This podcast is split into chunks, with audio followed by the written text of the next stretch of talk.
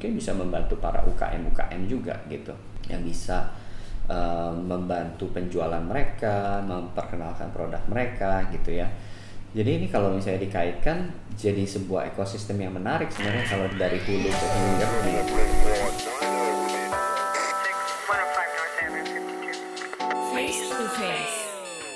Selamat datang di Decode by Marketers, Good Marketing Good Insight. Apa kabar pendengar Decode? Semoga dalam keadaan sehat dan semangat. Dan pada episode kali ini kita akan ngobrolin tentang digitalisasi warung makan nih.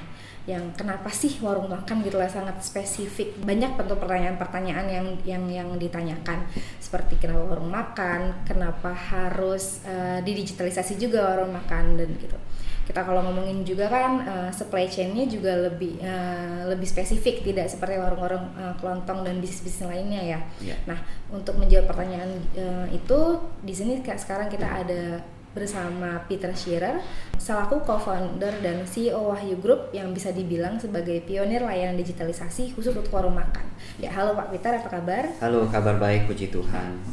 Oke gimana nih Pak kondisi Wahyu uh, saat pandemi nih Pak? Kondisi Wahyu saat pandemi, wah dua bulan pertama memang kita bisa lihat banyak sekali eh, warung-warung yang tutup karena mereka uh, operasinya di daerah perkantoran dan kantor-kantor banyak yang tutup gitu. Ada juga yang tutup karena memang di zona merah juga mereka juga nggak berani buka. Um, ya jadi dua bulan pertama itu mungkin bisa dikatakan ada penurunan sekitar 50% ya. Tapi beberapa minggu belakangan um, trennya kembali naik dan dan udah sama seperti sebelum covid gitu saat ini.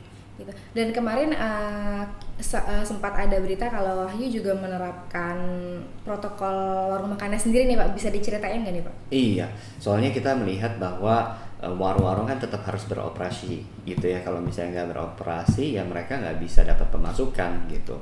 Nah sedangkan mereka kan juga khawatir uh, apakah uh, mereka bisa terkena kalau misalnya banyak pelanggan yang datang apakah mereka bisa terkena virus dan sebagainya gitu. Jadi kita juga ingin melindungi mereka dan membuat mereka nyaman ketika mereka beroperasi gitu. Makanya kenapa kita menerapkan eh, protokol-protokol uh, seperti yang pertama uh, yang nggak pakai masker nggak boleh masuk mereka harus uh, cuci tangan dulu sebelum masuk kemudian kita utamakan mereka uh, supaya mereka bisa bawa pulang makanannya. Kalaupun makan di tempat kita ada batasan gitu ya batasan dari segi jumlah maupun memang kita sekat-sekat um, tempat duduknya juga gitu. Semuanya itu ya benar-benar supaya uh, tidak ada interaksi langsung antara uh, yang makan dengan uh, yang uh, serve makanan gitu.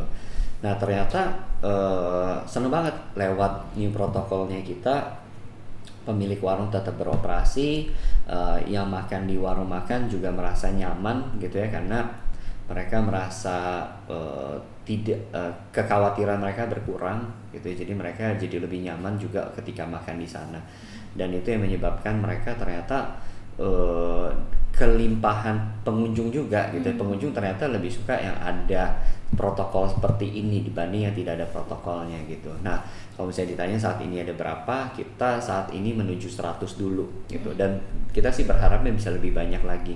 Karena yang tadinya awal-awal hanya ingin mencoba melihat responnya seperti apa, dan ternyata responnya sangat positif dan itu yang membuat kita kalau bisa semua warung kita deh kita kita bikin uh, protokol seperti Diamankan, ini. Diamankan, mesti dibikin lebih aman gitu ya Pak. Betul. Sekaligus untuk membangun kepercayaan customer dan kepercaya dirian penjual juga ya deh Pak. Betul betul karena mereka uh, merasa wah ini kalau misalnya uh, orang-orang nggak makan di tempat mereka lagi ya mereka penghasilannya bisa jauh berkurang gitu.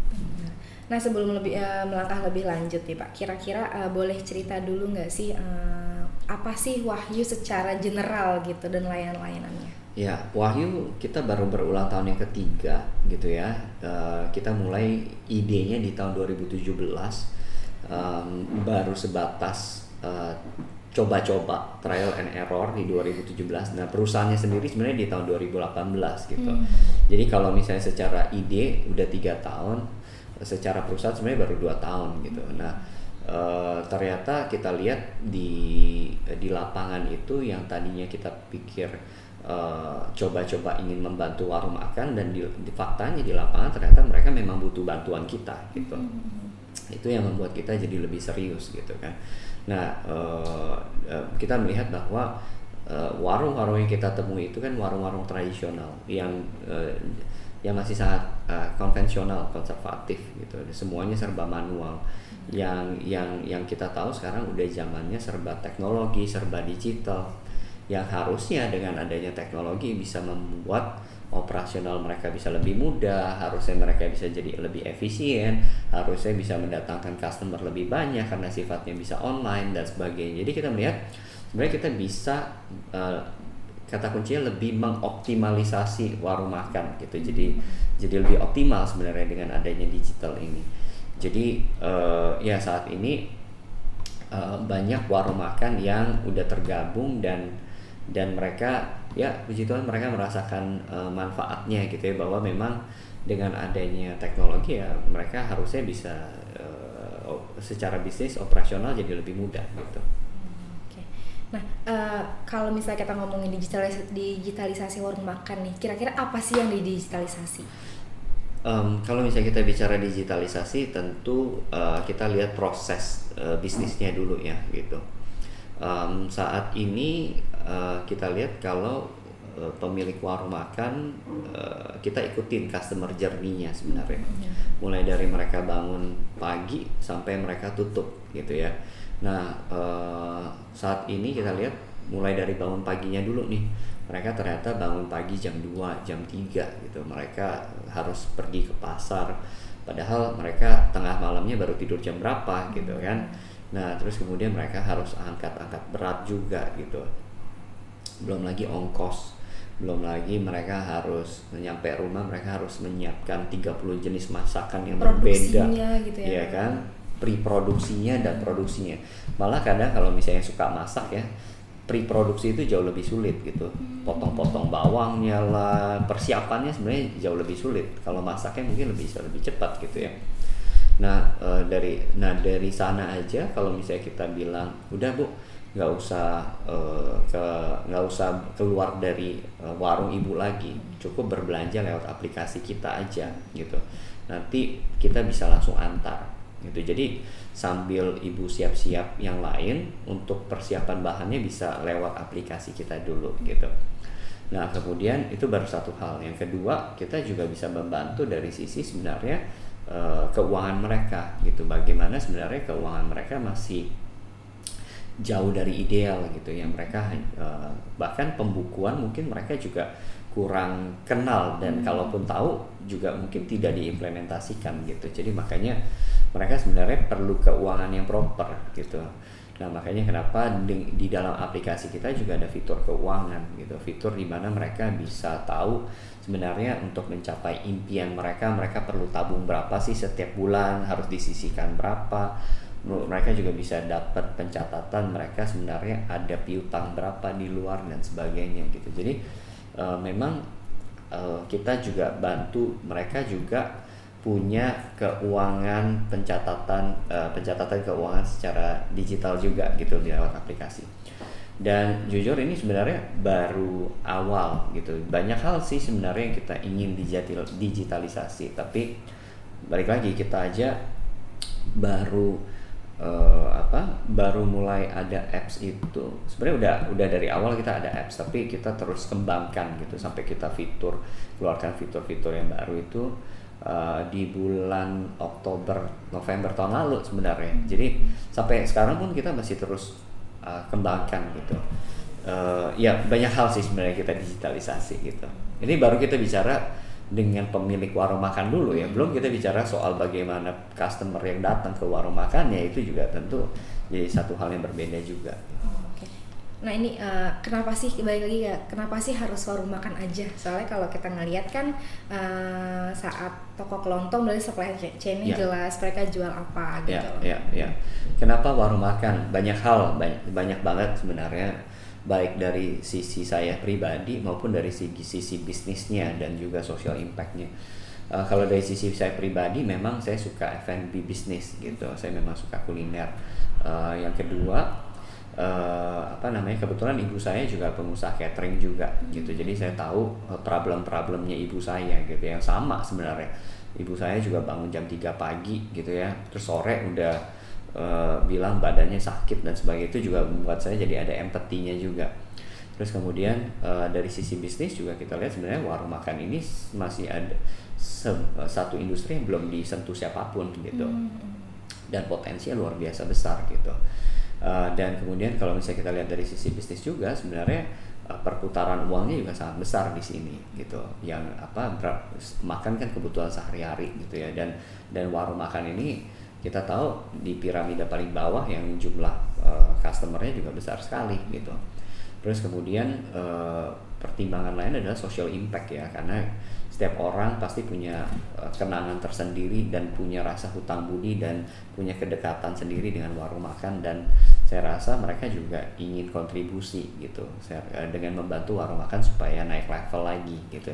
Sama kayak saya juga punya kenangan di mana saya makan warung warteg pada saat saya uh, kerja pertama kali dengan gaji yang minim ya otomatis makannya di warung makan juga. Nah itu yang membuat saya akhirnya ya kayak aduh ini kayak segala hal kayak uh, menuntun saya ke apa yang saya kerjakan sekarang sih sebenarnya. Kayak mulai dari background saya di branding and teknologi, kemudian saya sukanya di makan, di industri makanan, kemudian saya juga uh, suka social impact, kemudian uh, opportunity bisnisnya juga besar. Jadi semuanya sebenarnya tergabung di dalam apa yang saya kerjakan sekarang gitu. Jadi kalau kita ngomongin industri makanan tuh nggak cuma pesan antar antara customer sama betul, si penjualnya, betul. tapi juga gimana penjualnya ini dibangun gitu ya betul. Pak, dan dengan digitalisasi ini dibangun. Gitu. Betul, sebenarnya uh, kita membangun ekosistem sebenarnya, mulai dari hulu sampai hilir. Hulunya mungkin ya kita tahu bahan bakunya seperti apa gitu ya. Nah kalau kita bicara bahan bakunya aja, kita juga udah melibatkan berapa banyak petani gitu ya. Kalau misalnya kita memang bisa membantu petani ini apa uh, penyerapan apa uh, hasil-hasil mereka sebenarnya gitu karena kita end channel nih kita punya outlet-outlet yang memakai bahan baku mereka gitu uh, nah kemudian juga kita bicara soal uh, apa titik-titik uh, di mana uh, membantu memberi makan kepada uh, lingkungan sekitar gitu. Dan dan saya rasa ini jadi uh, satu yang menarik karena dengan banyaknya titik yang kita punya kita bahkan juga bisa mungkin bisa membantu para UKM UKM juga gitu. Yang bisa uh, membantu penjualan mereka memperkenalkan produk mereka gitu ya jadi ini kalau misalnya dikaitkan jadi sebuah ekosistem yang menarik sebenarnya kalau dari hulu dari hulu ke hilirnya gitu. Ada pembangunan istilahnya ada, ada pemerataan kesejahteraan juga ya? Yes yes benar benar. Nah kalau kita ngomongin digitalisasi kan uh, apalagi di uh, sektor istilahnya konservatif kayak gini tuh ada tantangannya untuk memperkenalkan. Apalagi Wahyu juga mengenalkan uh, kemudahan untuk belanja ya. Padahal kan kalau orang-orang rumah kan biasanya mereka udah punya langganan, mereka udah punya standar barangnya harus kayak gini. Nah itu gimana sih uh, waktu itu uh, Wahyu meyakinkan uh, mitra-mitranya untuk bergabung ke dalam ekosistem? Bergabung dengan aktif itu sebenarnya dua hal yang berbeda gitu. Ya. Jadi ketika kita meyakinkan mereka bergabung sebenarnya mudah sekali hmm. gitu karena uh, kita tahu kesulitan mereka dan kita tahu keinginan mereka seperti apa. Jadi uh, ngajakin mereka yuk masuk gabung dengan Wahyu. Banyak sekali keuntungan dan bisa menyelesaikan masalah mereka gitu. Sehingga uh, pertumbuhan kita bisa cukup cepat ya gitu. Nah membuat mereka aktif it's another challenge gitu. Bagaimana membuat mereka jadi yang kayak uh, go to digitalnya. Nah ini yang sebenarnya kita lagi on proses ke sana juga. Um, slowly but sure gitu ya uh, kita percaya bahwa semuanya pasti akan ke arah sana gitu. Walaupun di lapangan kita lihat memang faktanya uh, banyak pemilik warung makan juga belum pakai smartphone gitu ya masih pakai handphone untuk telepon SMS gitu kan. Manual lah ya manual gitu. ya. Ada juga yang mendingan ada yang udah bisa pakainya setidaknya bisa buat WhatsApp Facebook gitu.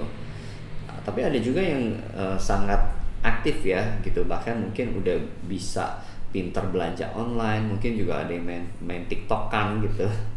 Hmm. jadi sebenarnya berbagai uh, dengan banyaknya dengan banyaknya member kita uh, jadi ada beberapa customer behavior yang kita lihat sih gitu behavior behavior mereka. Dan tentu kita punya strategi bagaimana cara engage sama mereka. Ya salah satunya yang paling jelas adalah uh, menyelesaikan masalah mereka lewat aplikasi kita gitu makanya kenapa fitur belanja, fitur keuangan dan akan ada fitur-fitur lainnya yang memang uh, membuat mereka jadi merasa oh ya mereka dimudahkan sekali nih dengan ada aplikasinya Wahyu gitu. Oke, dan mereka juga sadar kalau uh, digitalisasi itu dibutuhkan gitu ya Pak. Betul, betul.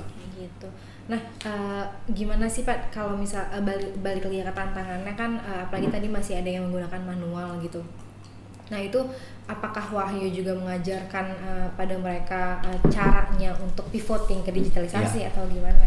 Kita punya tim lapangan ya, kita punya tim lapangan yang memang uh, punya tugas untuk bertemu mereka, mengedukasi mereka, terus kemudian mendampingi mereka gitu. Memang kita punya tim lapangan uh, dan dan uh, itulah tugas uh, memang tim lapangan kita yang memang uh, mendengarkan curhat mereka susahnya seperti apa gitu. Jadi memang kita ada tim tim offline.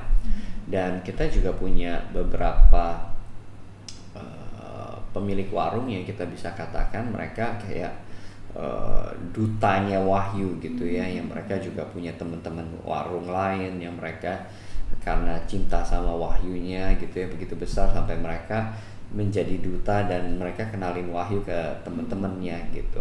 Bagian dari yang aktif tadi ya betul betul. Dan kita sebenarnya sebelum covid ini juga kita punya banyak sekali program sih. Uh, program misalkan program akademi wahyu gitu ya yang kita punya uh, kelas-kelas uh, untuk mengajari mereka. Kita punya program genderingnya wahyu kumpul-kumpulnya wahyu. Kita punya program uh, pikniknya wahyu jadi kayak mereka kita kumpulin kayak kemarin di Dufan gitu jadi itu sebenarnya banyak program yang kayak di setiap kali program kita juga terus sosialisasi mereka gitu. Jadi istilahnya layanan ini nggak cuma secara digital uh, Online. mereka, mm-hmm. tapi juga di diguyup gitu ya yes, kalau bahasanya. Betul, betul, diguyup. Oke. Okay.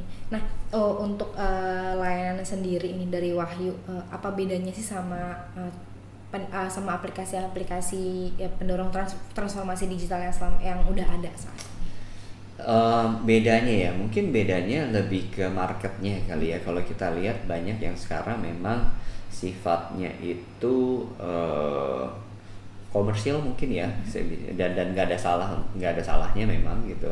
Kalau kita bedanya memang kita membangun uh, fungsinya lebih ke membangun ya gitu, membangun uh, ekosistem, membangun sebuah Eh, kebiasaan baru membangun sebuah apa kesejahteraan gitu. Jadi lebih ke uh, kayak tadi yang dibilang kayak kita seperti kayak paguyuban besar sebenarnya bedanya di sana ya. Kita saling support saling dukung uh, kita kita sal seperti keluarga besar yang uh, memperhatikan kebutuhan mereka masalahnya apa solusinya apa gitu. Jadi um, ya itu kali mungkin yang membedakan kita Eh, kita ingin bangun ekosistem warung makan tradisional yang di bawah ini mereka supaya bisa tertata rapih dan bisa naik kelas gitu.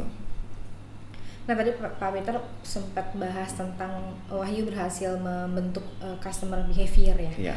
Boleh cerita diceritain nggak tuh kayak behavior behavior apa sih yang uh, mulai tumbuh setelah Wahyu ini ada? Hmm. Sebenarnya behavior apa? um, kalau sebelum covid ya kita lihat bahwa mereka uh, udah mulai ngerti uh, ada beberapa warung yang udah mulai ngerti pentingnya cashless gitu um, apa namanya uh, cashless itu ternyata uh, membantu mereka untuk bisa mengatur keuangan lebih baik gitu uh, karena sebelumnya mungkin lebih sifatnya cash gampang nih hilangnya uangnya gitu gampang diambil anaknya mungkin Eh, banyak pengeluaran yang tidak terduga. Uh, kemudian cashless juga membantu interaksi mungkin dengan uh, ojek online ojek online yang memang lebih gampang pembayarannya juga hmm. gitu. Terus kemudian um, uh, online presence gitu ya. Mereka juga melihat bahwa wah dengan adanya uh, mereka terlihat di dalam aplikasi online delivery juga membuat mereka uh, customernya jadi lebih bertambah gitu. Uh, yang tadinya mungkin mereka berpikir aduh saya cukup deh offline gitu. Nah ternyata dengan adanya off online mereka juga senang juga gitu. Um, lalu setelah covid mungkin behavior uh, lebih ke cara jualan lagi karena dengan ada new normal protokol ini ya apa namanya ya kita membantu mereka adaptasi dengan protokol-protokol kita.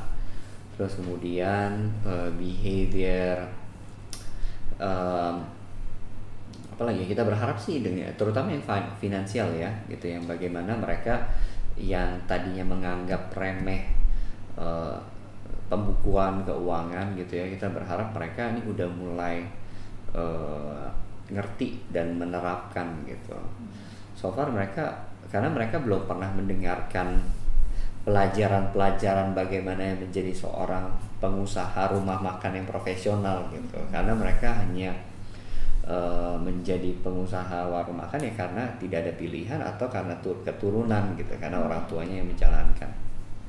Jadi kita ingin yang tadinya behavior mereka yang unsystem jadi lebih ke sistematis dan uh, bisa merangkul digital gitu teknologi.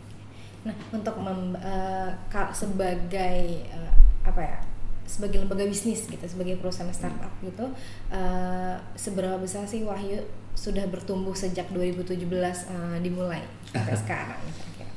Um, sebagai perusahaan bisnis ya um, ya kita bersyukur ya gitu kalau misalnya sebagai startup itu bisa dilihat uh, dari berapa banyak pihak-pihak uh, yang mendukung sebagai partner maupun sebagai investor gitu. Dan kita bersyukur selama tiga tahun ini ternyata mendapat banyak kepercayaan baik dari segi partner itu siapa pun itu ya uh, yang ingin bermitra dengan Wahyu dan dan juga uh, investor-investor yang bisa dibilang cukup banyak sekali yang berbagian di Wahyu gitu. Um, itu sebuah hal yang saya syukuri banget gitu yang tadinya di 2017 saya hanya mulai dengan tiga orang dengan sebuah mimpi supaya warung makan warung makan ini jadi lebih keren gitu ya.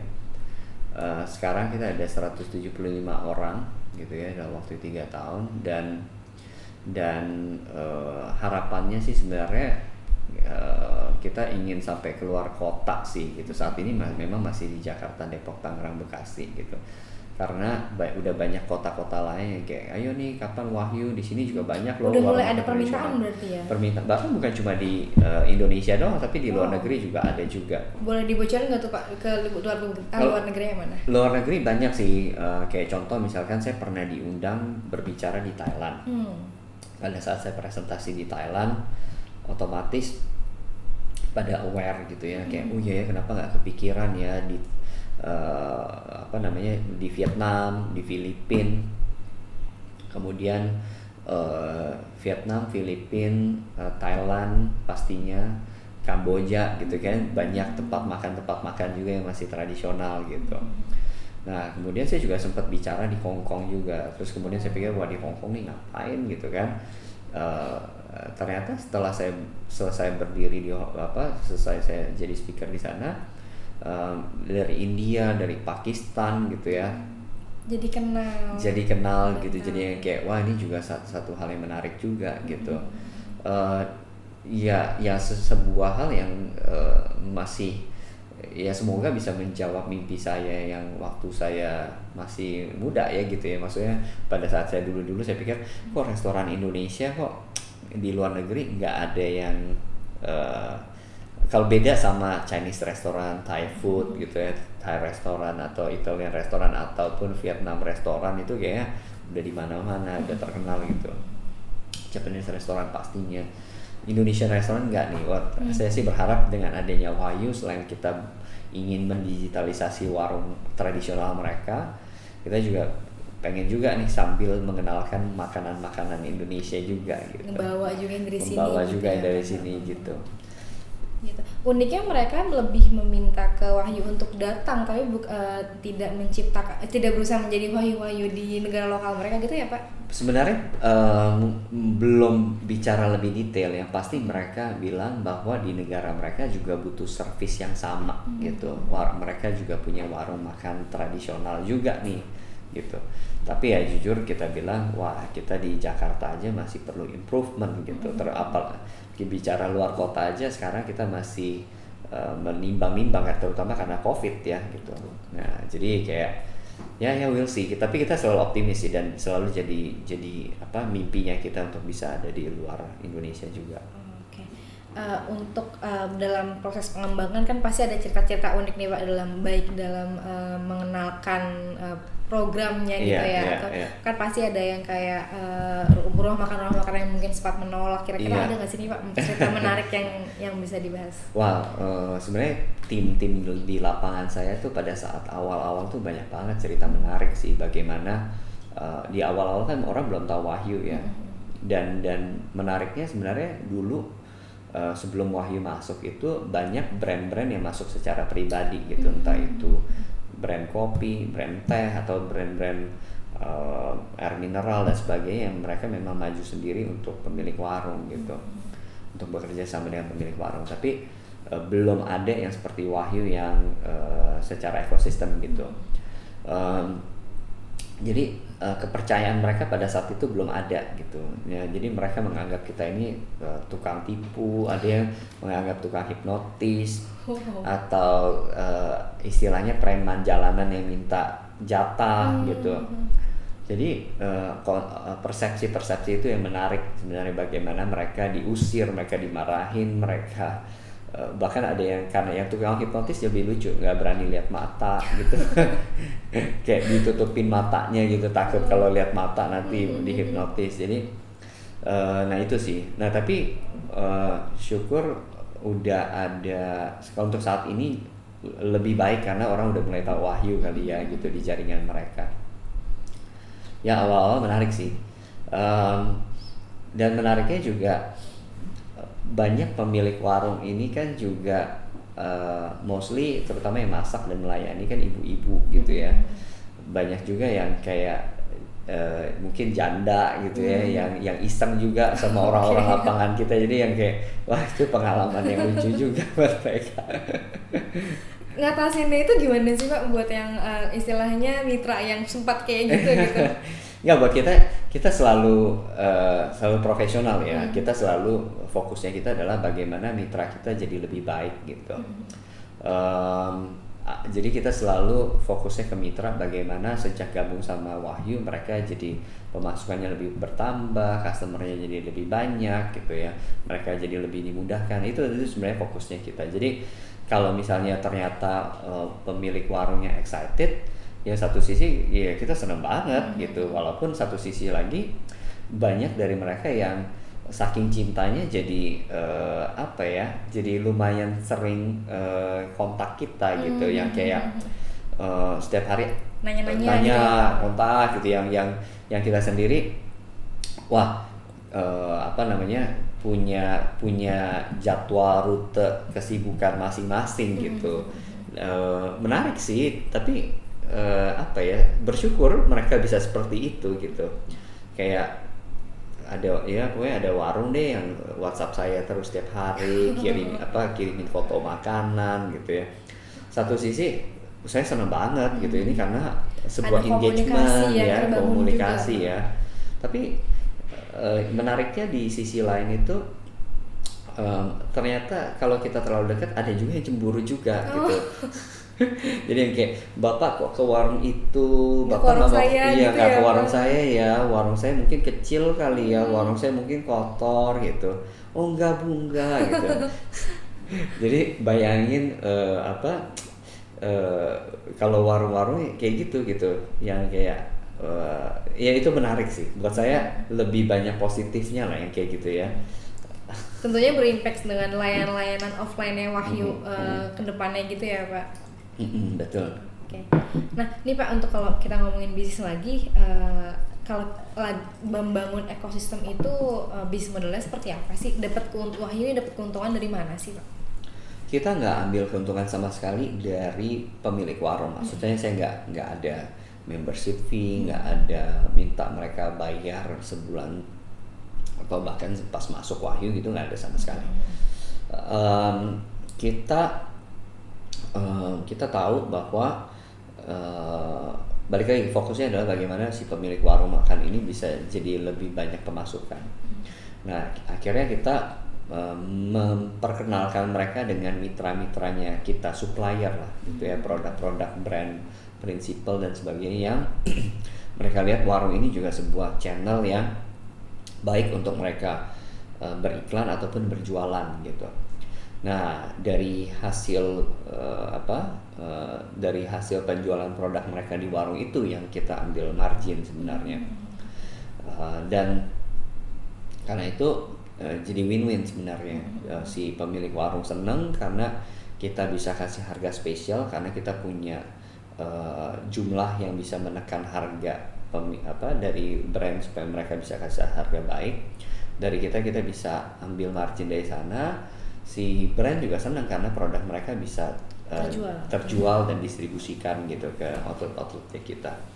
Kemudian kita juga uh, bukan hanya dari itu tapi kita sebenarnya juga dari uh, partnership gitu ya. Misalkan ada yang mau beriklan gitu ya. Nah dari hasil iklannya juga kita bagi juga ke pemilik warung. Pemilik warung juga bisa dapat penghasilan tambahan dari sana.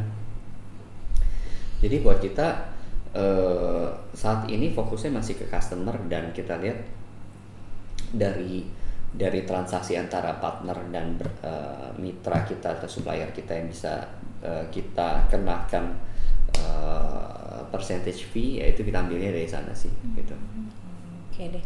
Nah untuk uh, kondisi uh, ke depannya nih Pak, hmm. apalagi abis COVID ini kan pasti ada yang berubah. Kira-kira yeah. potensi perkembangan warung makan itu kayak gimana sih? Ya kita lihat sebenarnya uh, warung makan itu pasti yang selalu ada, ya kan?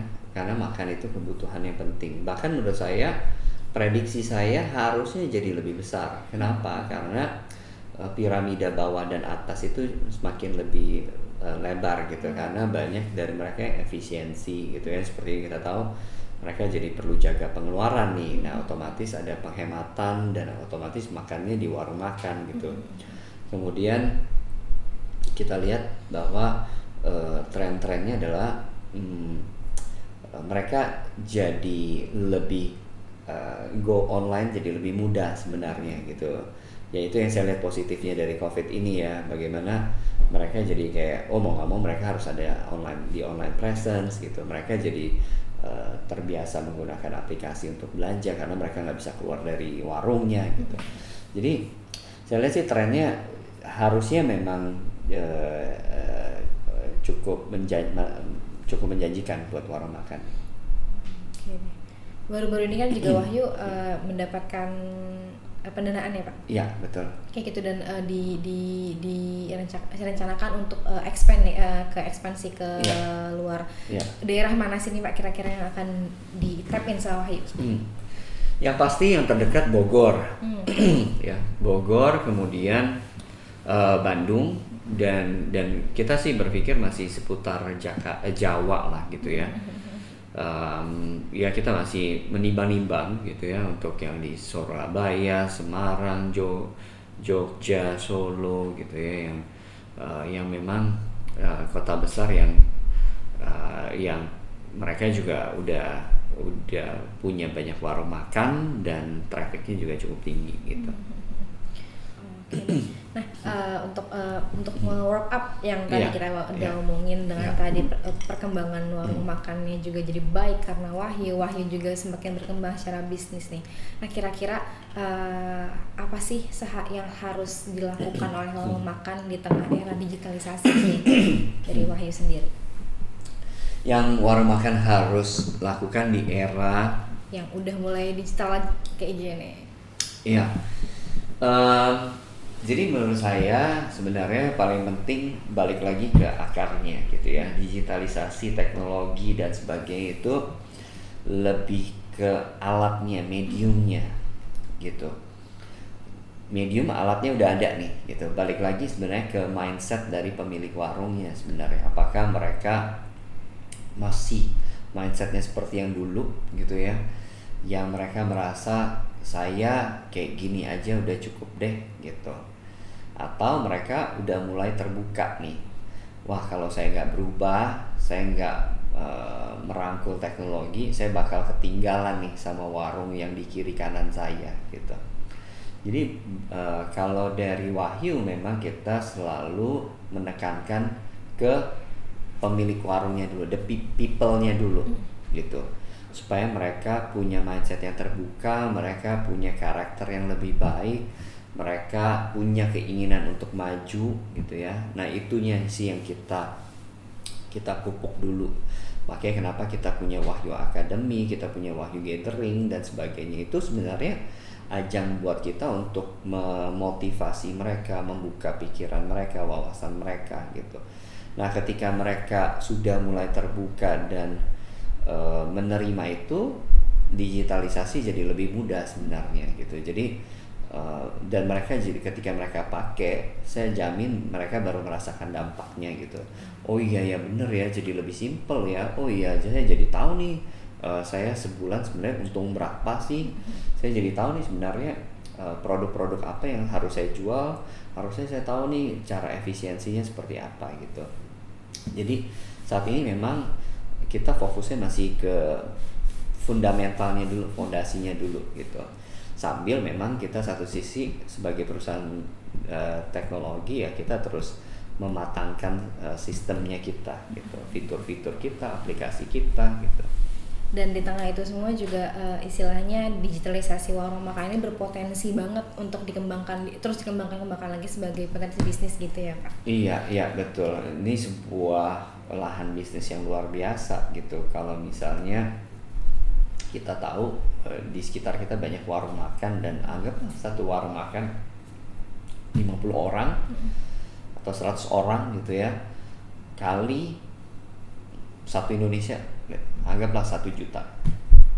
Satu ya artinya ada satu juta dikali 100 orang ya 100, 100 juta, juta orang kalau 100 juta orang dia makannya 10 ribu aja itu udah berapa tinggal dikali-kalikan saja untuk iya, itu kan luar biasa ya. sebenarnya. Keren banget insightnya dari Pak Peter terima kasih banyak atas uh, sharingnya hari ini. Terima kasih okay, juga. uh, jangan lupa untuk cek podcast lainnya di Decode by Marketeers dan terima kasih. Sampai jumpa. Sampai jumpa. Terima kasih sudah mendengarkan seri podcast ini. Untuk insight mendalam lainnya, silakan dengarkan konten podcast kami yang lain atau Anda bisa berkunjung ke kanal YouTube kami di Marketeers TV, situs kami marketeers.com, dan membaca majalah bulanan kami.